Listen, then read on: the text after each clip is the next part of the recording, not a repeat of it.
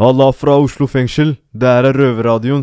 Jeg står her med Kim og sammen med Ole. Mitt navn er Karim. Det er A-laget som er på plass i dag, eller hva, gutta? Ja, Helt klart. helt riktig. Og til alle våre lyttere, nå er det sommerferie. Røverradioen logger ut, men vi logger inn igjen etter sommeren, så ikke, ikke unfollow, liksom. Vi.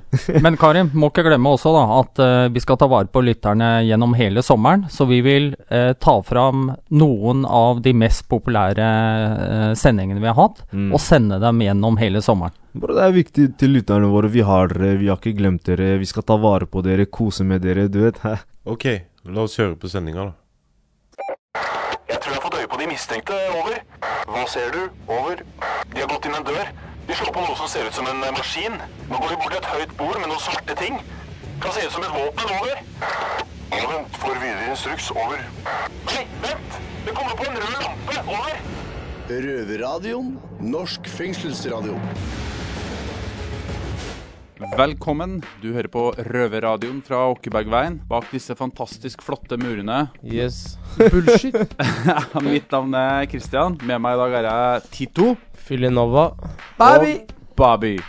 Dagens tema Yes. Hvorfor blir noen kriminelle, mens andre blir lærere? Eller gartnere. Eller noe helt annet. Jo, det er forskjellige veier, da. Noen går den rette, noen går den andre veien. Noen går på den smale sti, noen går på den kriminelle. Noen er fattige, noen er rike. Ja. Noen går heisen, noen går eh, trappa. ja. Ja, så alle har sine meninger. Så alle som går trapp, de er kriminelle? Nei, jeg sier ikke så, Ja. Jeg håper jo ikke det. Jeg pleier ofte å gå trapp, men nå er jo jeg også kriminell. Ja, du, har, du er inne på noe. ja. Shit, ass. Det er der det ligger. Vi skal jo sjekke opp tre gutter i dag. Sjekke opp. Nei, ikke sjekke de opp, da, men vi skal, vi skal høre hva de gjør. Bobby, kom igjen, da! Ja. Det er min nå. Ja, det er bra. Men i alle fall, disse tre guttene De skal fortelle litt eh, om eh, ting og tang. Om hvorfor de har tatt de valgene de har tatt og sånne ting. Så det blir spennende å høre. Videre så har vi jo fått et brev, Tito. Yes, vi har uh, fått et brev av en uh, kvinne Mhm. som eh, treng, søker om råd fra oss i Røverradioen. Det er en kul tillit, da. At eh, vi fungerer som en slags rådgivende part. Da starter vi sendinga, Christian. Yes, da gir vi lufta til Preben, Prince of Georgie. Som skal eh, fortelle om sin eh, kriminelle bakgrunn. Eiwa.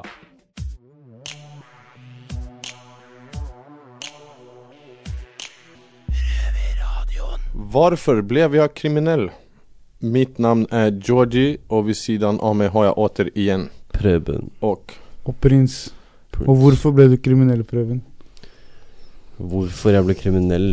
Altså Nei, jeg sklei ut av skolen. Jeg hadde ADHD. eh, jeg følte ikke jeg fikk nok oppmerksomhet. Jeg ble mobba når jeg hadde, fikk ADHD-diagnosen. Da ble jeg voldelig. Jeg ble kjent med noen kriminelle. Uh, Syns det var spennende. Gjøre litt kriminalitet. Innbrudd. Begynte å smugrøyke. Ja. Det starta Ja. så du ble kriminell for at du, du, du søkte spenning? Søkte spenning. Og øh, søkte høy status. Bo, borde det inte ha funnits andra, andra sätt att hi- hitta spänningen på? Du hade kunnat kört cross eller Nei, jeg hadde ikke noen far heller. eh, så jeg Ok. hadde liksom ikke Ja, det var ikke så mye å finne på. Jeg spilte fotball og sånn, men det, det var inte tillräckligt med action? nei. Okej. Prince, var, Princey boy. varför, Ja. varför, blev du, varför blev du kriminell? Nei, jeg eh, likte å tøye strikken og sånn, da. Og lage mye kvalme. Og så Så Jeg likte å erte folk.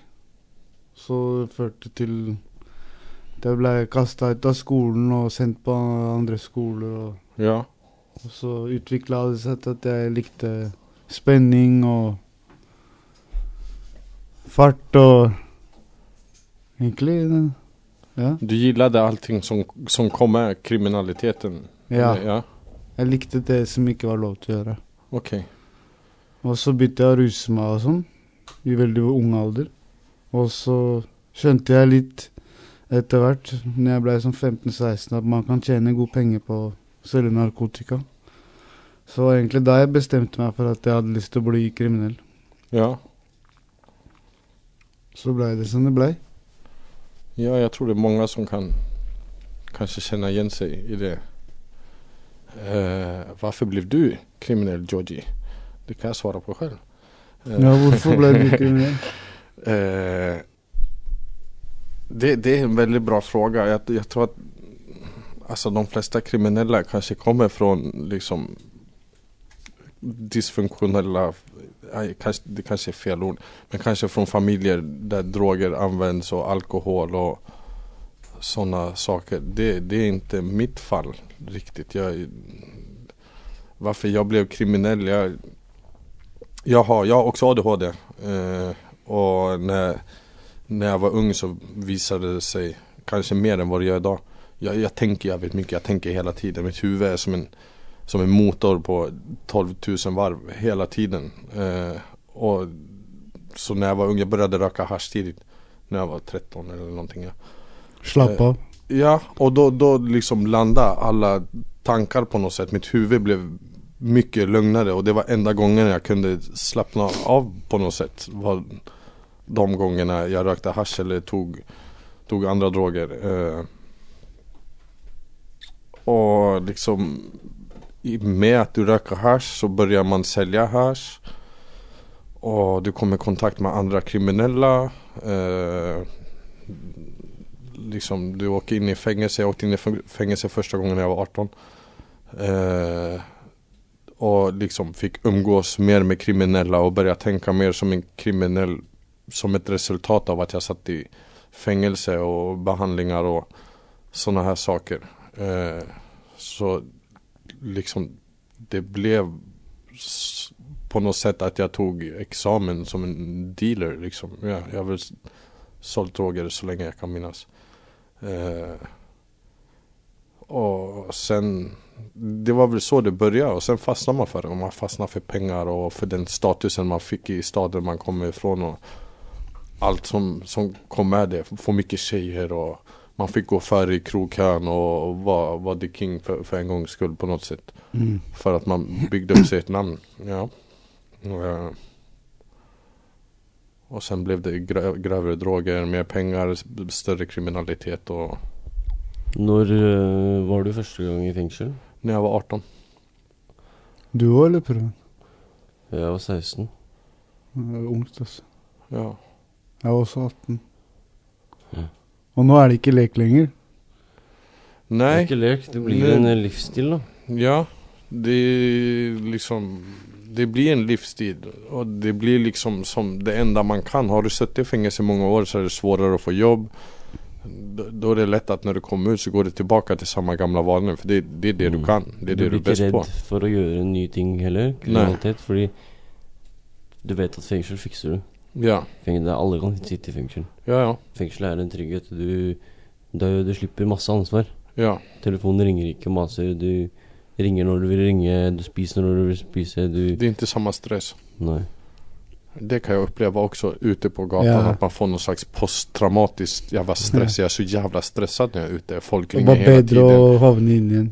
Ja. så Statistikken i Norge òg er at 67 over 67 av alle innsatte i Norge er tilbake i fengselet innen tre år fra løslatelse. Ja, Det er veldig mye. det har vært mitt Det er nesten syv av ti. Ja, det, det, det tror jeg på. Det låter veldig rimelig. Ja, de gångerna jeg kom ut når jeg var yngre så jeg var ute ett år eller noe. Eller noen gang, en gang bare en måned faktisk, så var jeg ute. Sen så åkte jeg for misshandel igjen. Eh, og når man er inne så treffer man Nu tar man kanske inte efter eh, folk lika mycket som man gjorde när man var yngre. Jag, jag, vet, jag tyckte i alla fall det var coolt första gången jag hade suttit inne. Tyckte ni det? Ja, nå skammer jeg meg alltså når jeg går inn der. eh. Ja, ja, nu skäms jag. Men Ja. när jag var yngre. Första gången jag satt Ja, i fängelse, det jag, jag tyckte det var skitcoolt. ja, jag kunde komma ut, jag berättade jag har suttit inne, jag träffar de här människorna, jag träffar värsta gangstersarna förstår du och försökte ta, ta efter dem typ och ja. Det, det är väl kanske inte riktigt så längre, inte alls skulle jag säga. Men eh, ja, det var så det började i alla fall. Mm. Grabbar, är det vad, Vems fel är det egentligen om man skulle skylla på någon? Är det ditt fel Preben? Är det för att du är sjuk i huvudet eller är det för att Eller er det for omgivningene? Du, du, Man, det er, man har mye skylda sjøl. Det er selvfølgelig omgivelser, men til syvende og sist er det du som tar dine egne valg. Mm. Og man må stå for de valgene man tar. Uh, Enkelt og greit. enkelt og greit. Det, det og så kan- blir det en rutine, dette her, ikke sant? Det kan jeg holde med deg om också Men jag tycker att när, det är, när man är så pass ung som du var 16 år så tycker jag att kanske samhället borde Hoppat in och gett dig mer hjälp Mm. För du sitter ju trots allt här nu också Då liksom Ja, det er I ikke alla så fall när det lett gäller så unga å människor Det er ikke så lett å endre de holdningene man har vokst opp med, da. Nej det, Och det, det är inte lätt och hållningen därför och- tycker jag att man behöver få mycket hjälp Speciellt när man är ung Det er vanskelig å skal Altså, skal du endre deg, så må du endre alt. Skjønner du? du Gikk ikke du til uh, kriminalomsorgen med kake en gang og si Jeg var gæren. Hæ? Jeg var helt utafor. Men eh, Fortell, fortell. Du jeg var veldig, hadde veldig, var veldig, hadde, var veldig rusa. Og så øh, var og skulle handle noe kokain. Og så var det ikke noe kokain. Så før jeg skulle dra hjem og hvile, så gikk jeg forbi friomsorgen, der du har meldeplikt. Ja. Uh, så jeg kjøpte en kake. Ja. Varmet den opp på en kafé, og så gikk opp der og skulle legge en plan, da. For nå skulle jeg skjerpe meg og legge en plan. Da. Men jeg hadde vært våken i et par dager og spist noen eh, piller. Ja. Så jeg ble endt opp med at de beholdt kaka og kasta meg ut. De ville ikke hjelpe deg. Nei, altså, jeg var ikke Du kan ikke være rusa og skal legge en plan for livet ditt, ikke sant? Du var, du du var ikke- mottagelig for Jeg hadde ikke huska den planen dagen etterpå. Nej Du, du var inte for Ja. den informasjonen just da, kanskje. Men det ligger dypt inne at du vil endre deg, da. Jeg har et ønske om endring, uh, men jeg er veldig ambivalens. Uh, og det som jeg sa, jeg sa, skal du endre på deg sjøl, så er det ikke noe Du kan ikke ha én fot innenfor begge miljøer. Du må endre deg helt. Ja.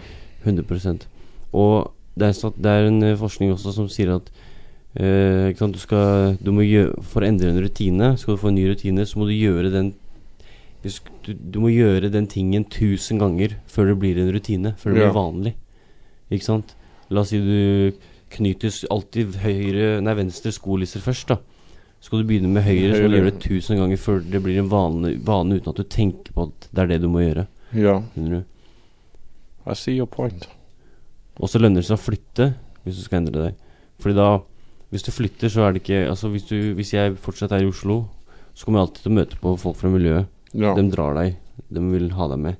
Men er du på et nytt sted, så kan du ikke skylde på andre enn deg sjæl hvis det går gærent, for da må du selv oppsøke miljøet, da. Ja. Skjønner du hva jeg mener?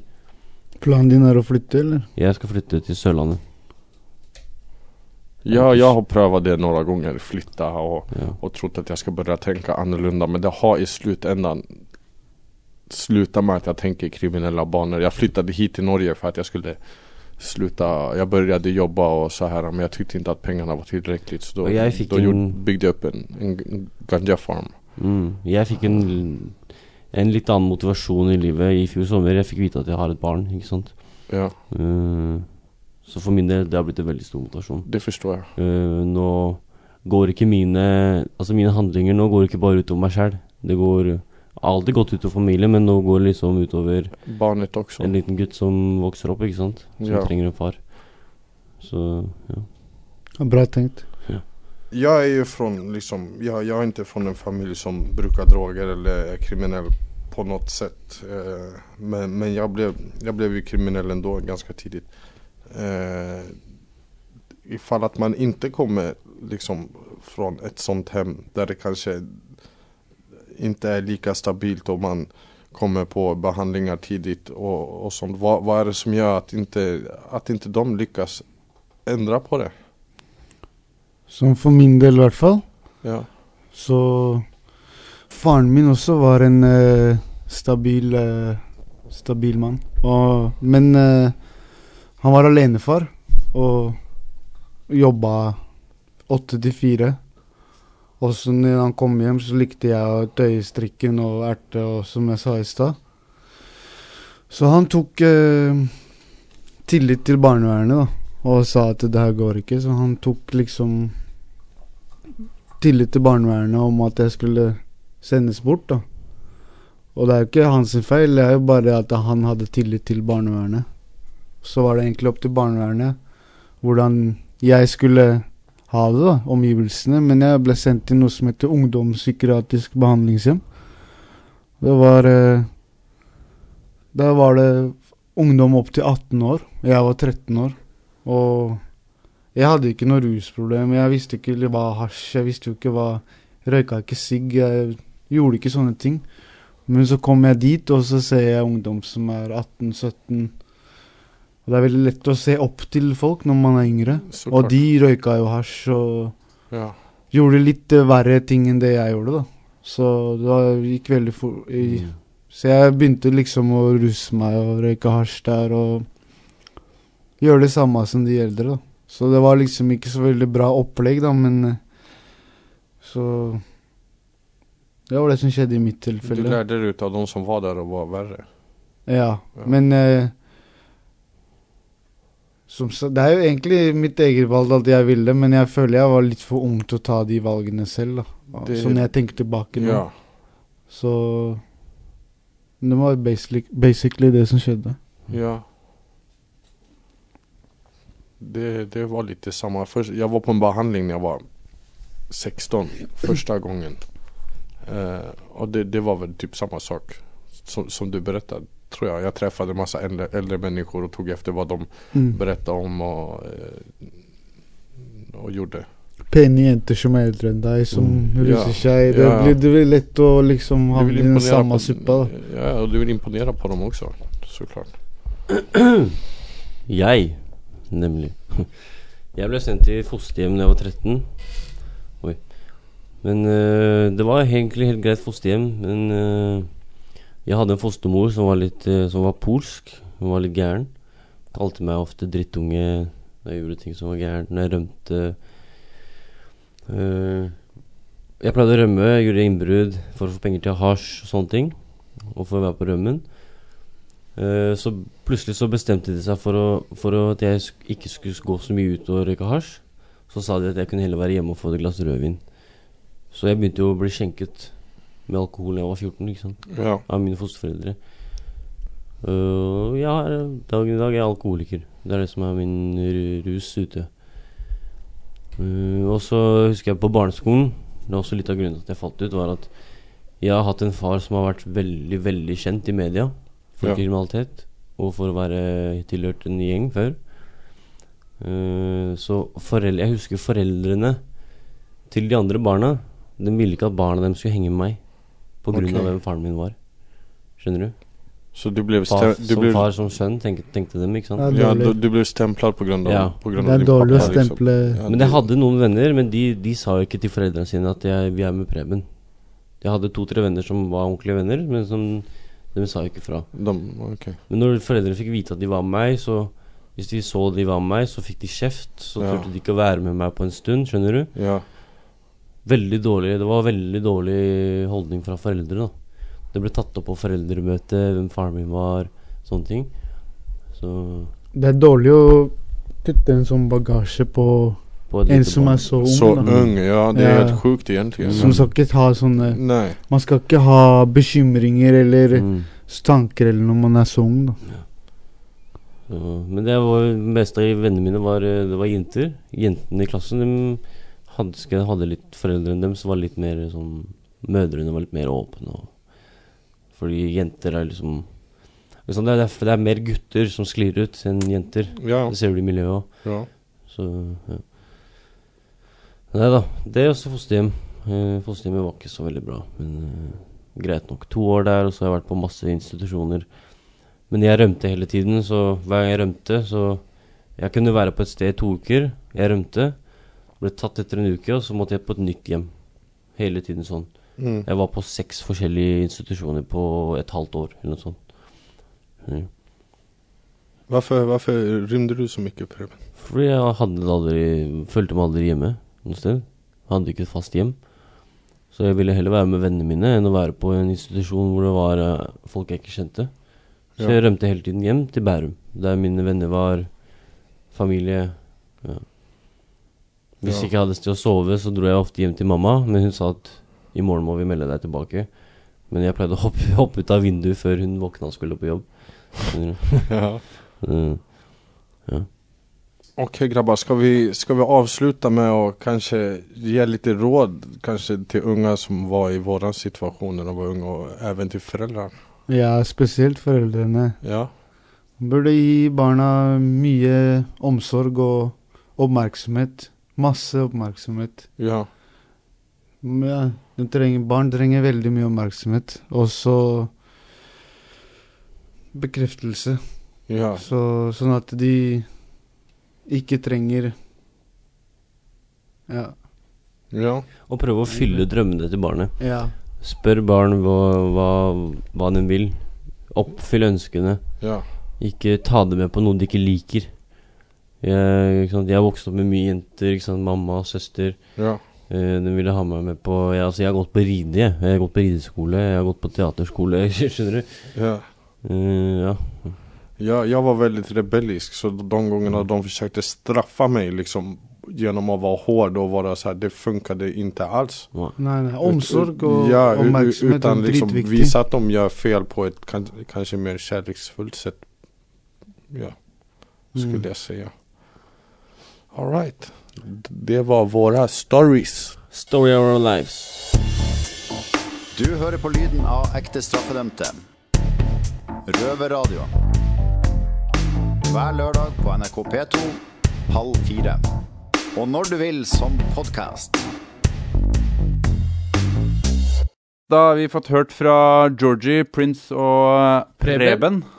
Disse sterke historiene til de gutta der om eh, oppvekst, livet, krim, egentlig alt. Jeg vet ikke, Tito, er det noe du kjente deg igjen i?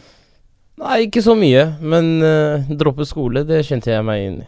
Ja. Så det traff meg. Men uh, ellers så bare syns jeg at det var jævlig bra at de forteller. Ja. Så mange lyttere hva de har opplevd eller uh, opplever, da. Ja, absolutt. absolutt. Jeg tror jo også at mange kanskje kjenner seg igjen i i storyen deres, liksom. Spesielt det med oppveksten og Helt sikkert. Jeg kjenner meg igjen i det samme som Tito. Droppe ut av skolen og Mm. dårlig miljø i tidlig alder og Ja. Det var med å påvirke deg, liksom, og Ja. sørga for at du havna her, Ja, på en måte. i Åkebergveien. Ikke bare Åkebergveien. Og du har sona overalt? Ikke overalt, men jeg har sona flere steder. All right, all right, Mm. all right. Da er det faktisk tid for at uh, ikke vi bare skal sitte og lytte til andre sine råd. Vi må jo komme med noen råd, vi òg. Yes. Vi har jo møtt opp her, ja. vi òg. Vi må jo, kan ikke være noe dårligere, vi. Nei. Nei, Nei, Vi er jo på jobb, vi òg. det er vi. Ja, det er bra.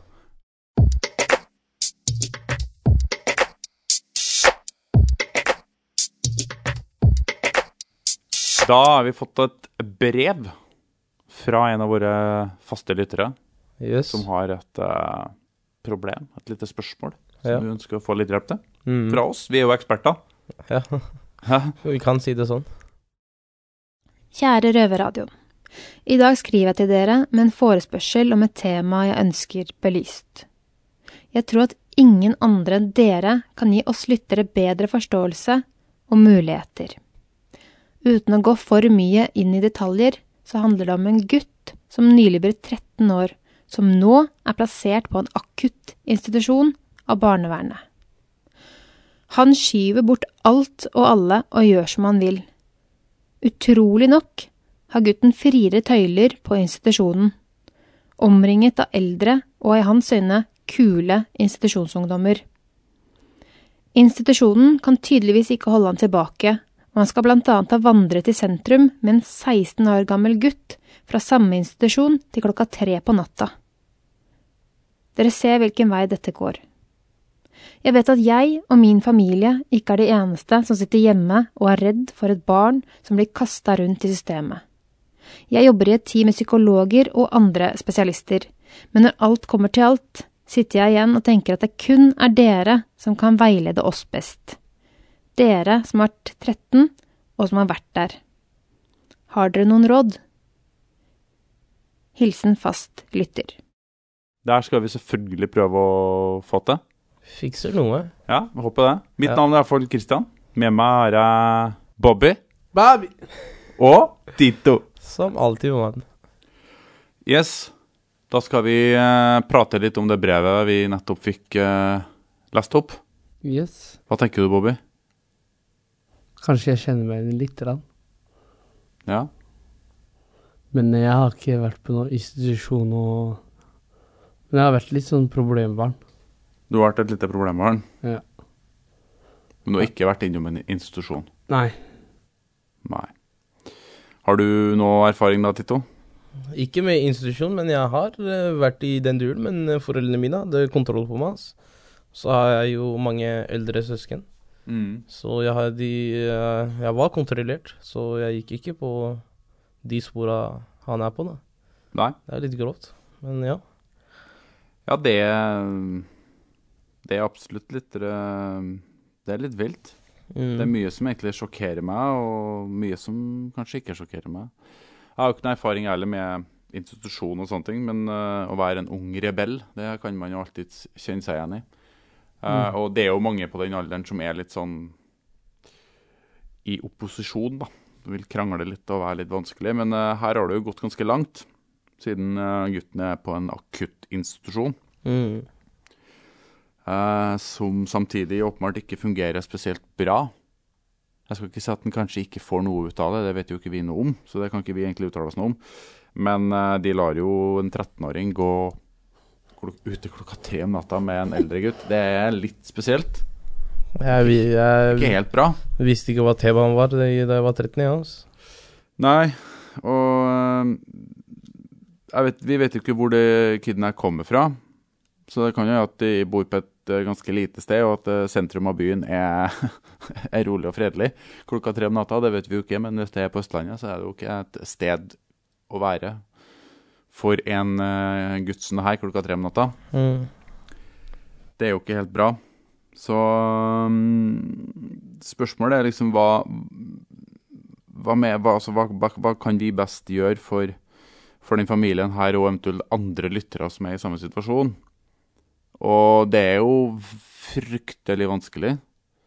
For det første jeg tenker på, er jo det Scared Straight, det programmet fra USA, der kiden blir sånne barn da, som er litt i den uh, duren her, Ja. havner i fengsel en dag eller to dager eller noe sånt, der de får sett litt på hva livet i fengselet faktisk har å by på. Mm. Se om det er noe å, å, å, å gjeve etter. Tror du det hadde hjulpet deg, Bobby? Du var, når du var 13-14-15 år og måtte ha Ja, det tror jeg faktisk. blitt kasta inn her og blitt Ja, jeg tror det faktisk. Blitt ropa til av eh, større, eldre kriminelle. Som, Fordi første gang jeg gjorde noe og ble arrestert, så visste ikke jeg egentlig konsekvensene. Mm. Jeg bare gjorde det, og så kom konsekvensene etterpå, da. Mm. Og da når jeg ble putta inn i fengsel, så var det sånn at jeg angra og Ja. tenkte på familien og Mm. Fikk litt inntrykk av at han syntes det, det var litt, uh, litt kult å være på denne institusjonen, fordi mor beskriver at han så litt opp til de eldre gutta på der, da. Eh, jeg tror ikke han vil sitte igjen med samme følelsen etter å ha sona noen måneder i Oslo fengsel. Jeg tror ikke, for det, det tror jeg er problemet. Jeg tror ikke de kidsen skjønner hva et fengsel er for noen ting. Du skal sitte innelåst på cella di i 22, 23, kanskje 24 timer av døgnet i månedsvis. Der kan du ikke tøffe deg for noen. Det er ingen som syns du er kul. Du imponerer absolutt ingen når du går inn til den eh, røde, flotte, fine joggedressen din som du får utlevert av fengselet, som Mm. hundrevis av mennesker har brukt før deg. Oh, ja. Det beste er at uh, en som har vært gjennom det livet, snakker med han, da. Det er det jeg også tenker. At han Støttekontakt må trenger han. En Ja, han trenger noen da for å finne seg noen andre ting å bli glad i, for i dag så er han tydeligvis glad i eh, sånn krimislivet, da, eller i hvert fall eh, den, den veien å gå, da. Så jeg tror denne gutten her må få seg litt nye forbilder. Eh, Støttekontakt eller et eller annet. Ja. Har du noen erfaring med det, Tito? Jeg har jo hatt en eh, støttekontakt før. Jeg satt jo jeg, så, jeg hadde en fengselsdom da jeg var 15 år, som jeg sona i ungdomsfengsel. Mm. Så fikk jeg støttekontakt etter soning. Mm. Og støttekontakten hjalp eh, veldig mye, fordi han har vært gjennom det samme. Riktig. Så det er Man taper ikke noe på det å prøve en støttekontakt som eh, kan være et forbilde for eh, denne unge gutten, da. Nei, det, det tenker jeg også. Og kanskje i verste fall, eh, hvis Som sagt, vi vet ikke hvor de bor, men hvis de bor på sentrale Østlandet, så kunne det kanskje vært en fordel å få flytta gutten Fly, ut, ja. ut av Østlandet, i hvert fall en periode, slik at Ja. du får kommer deg til et litt roligere sted. Ja. Hvor ikke alle andre ungdommer rundt deg er Kriminelle. krimiser, liksom, på en sånn institusjon. Og noen sunne forbilder og, og kunnskap og informasjon. Det som er så bra med stedskontakt, er at man eh, er jo med støttekontakten kanskje tre ganger i uka, ikke sant. Mm, mm. Og man har jevnlig kontakt på telefon med støttekontakten. Mm. Og man kan ringe til støttekontakten når man vil. Om man er sulten, kan man gå ut og spise, møtes, drive med noe fritid. Ja. Så det er alltid noe å gjøre med en støttekontakt som eh, kanskje man ikke får med familien, da. Ja, det er akkurat det. For det er jo tydelig at han trenger jo disse Han trenger noen andre forbilder enn de forbildene han har på en institusjon eller andre mennesker han kjenner, da, som er Ja. kriminelle i dag. Han trenger kanskje en tidligere kriminell som kan forklare og vise hva det livet her eventuelt ender på. Da. Alt du taper på det, pengene du taper på det, sosial status, jobbmuligheter. Familien, det er det viktigste. Familien. Det du, ta, du taper tid. Liksom. Masse, masse land du ikke kan reise til. Det, altså, det er masse skit da, som følger med. Mm. Og ingenting av det gir deg noe status. Du får ikke status av å være kriminell. Mm. Så du taper fryktelig mye på det. Mitt siste råd, nettverk etter soning. Helt riktig. Ta kontakt med, med de. Både den mora her og eventuelle andre. Det er Røde Kors som driver det, så søker du på nett på etter nettverk etter soning. Så får du opp noe kontaktinformasjon. Her på Østlandet så er også Røverradioen i samme lokale som de, så det er mulig å sende spørsmål der, og så kan ting bli videreformidla. Der er det muligheter for uh, foreldre i en sånn utsatt gruppe, eller eventuelle utsatte kids, da. Mm. Til å komme i kontakt med støttekontakter eller andre som har erfaring med det er krimlivet. Ja, det er mange muligheter, men eh, man prøver en av dem bør funke.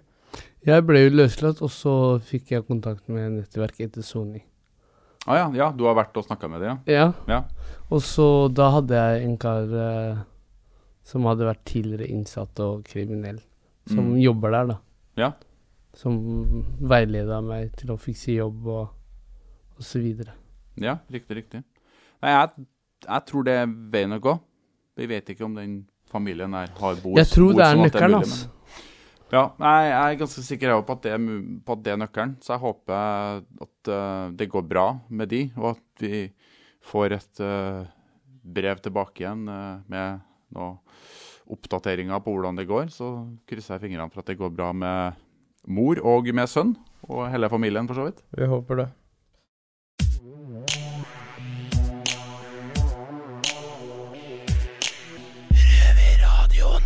Yes, boys.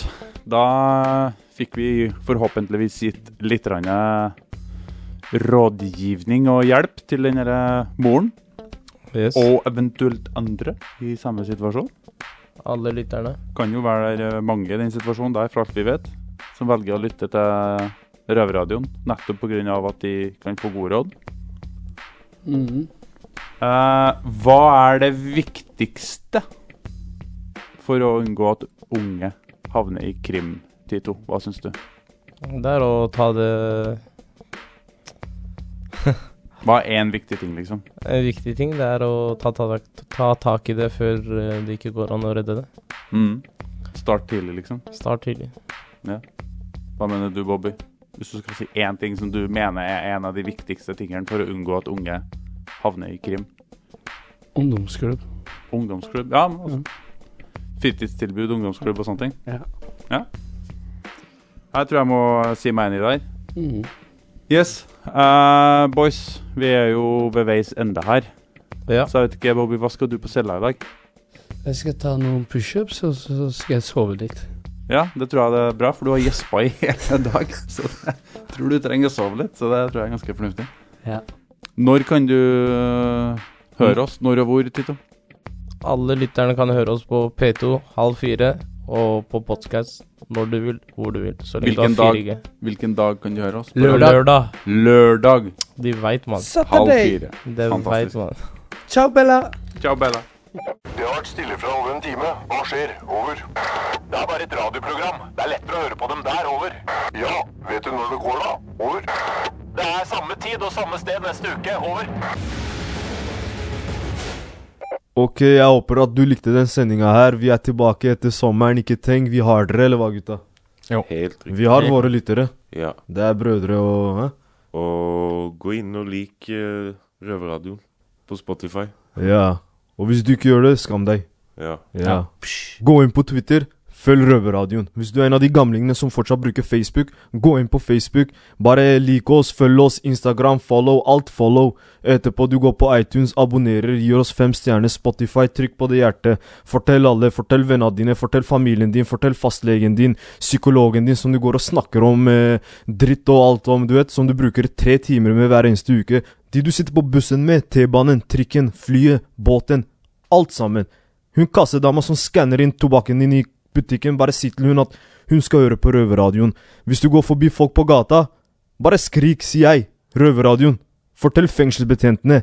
Han derre politimannen som stopper deg fordi du er svart, si til han hør på Røverradioen. Du glemte én ting da, Karim. Det er at hvis du gjør et bankran, så må du fortelle dama i kassa også at hun skal like oss. Ja. Dette er et ran. Ja. Bare hør på Røverradioen. Det er sånn greier sånn. Men gi meg penga etterpå. Bare lik dem etterpå, du vet. Ja. Ja. God sommer. God sommer. Bare kos dere.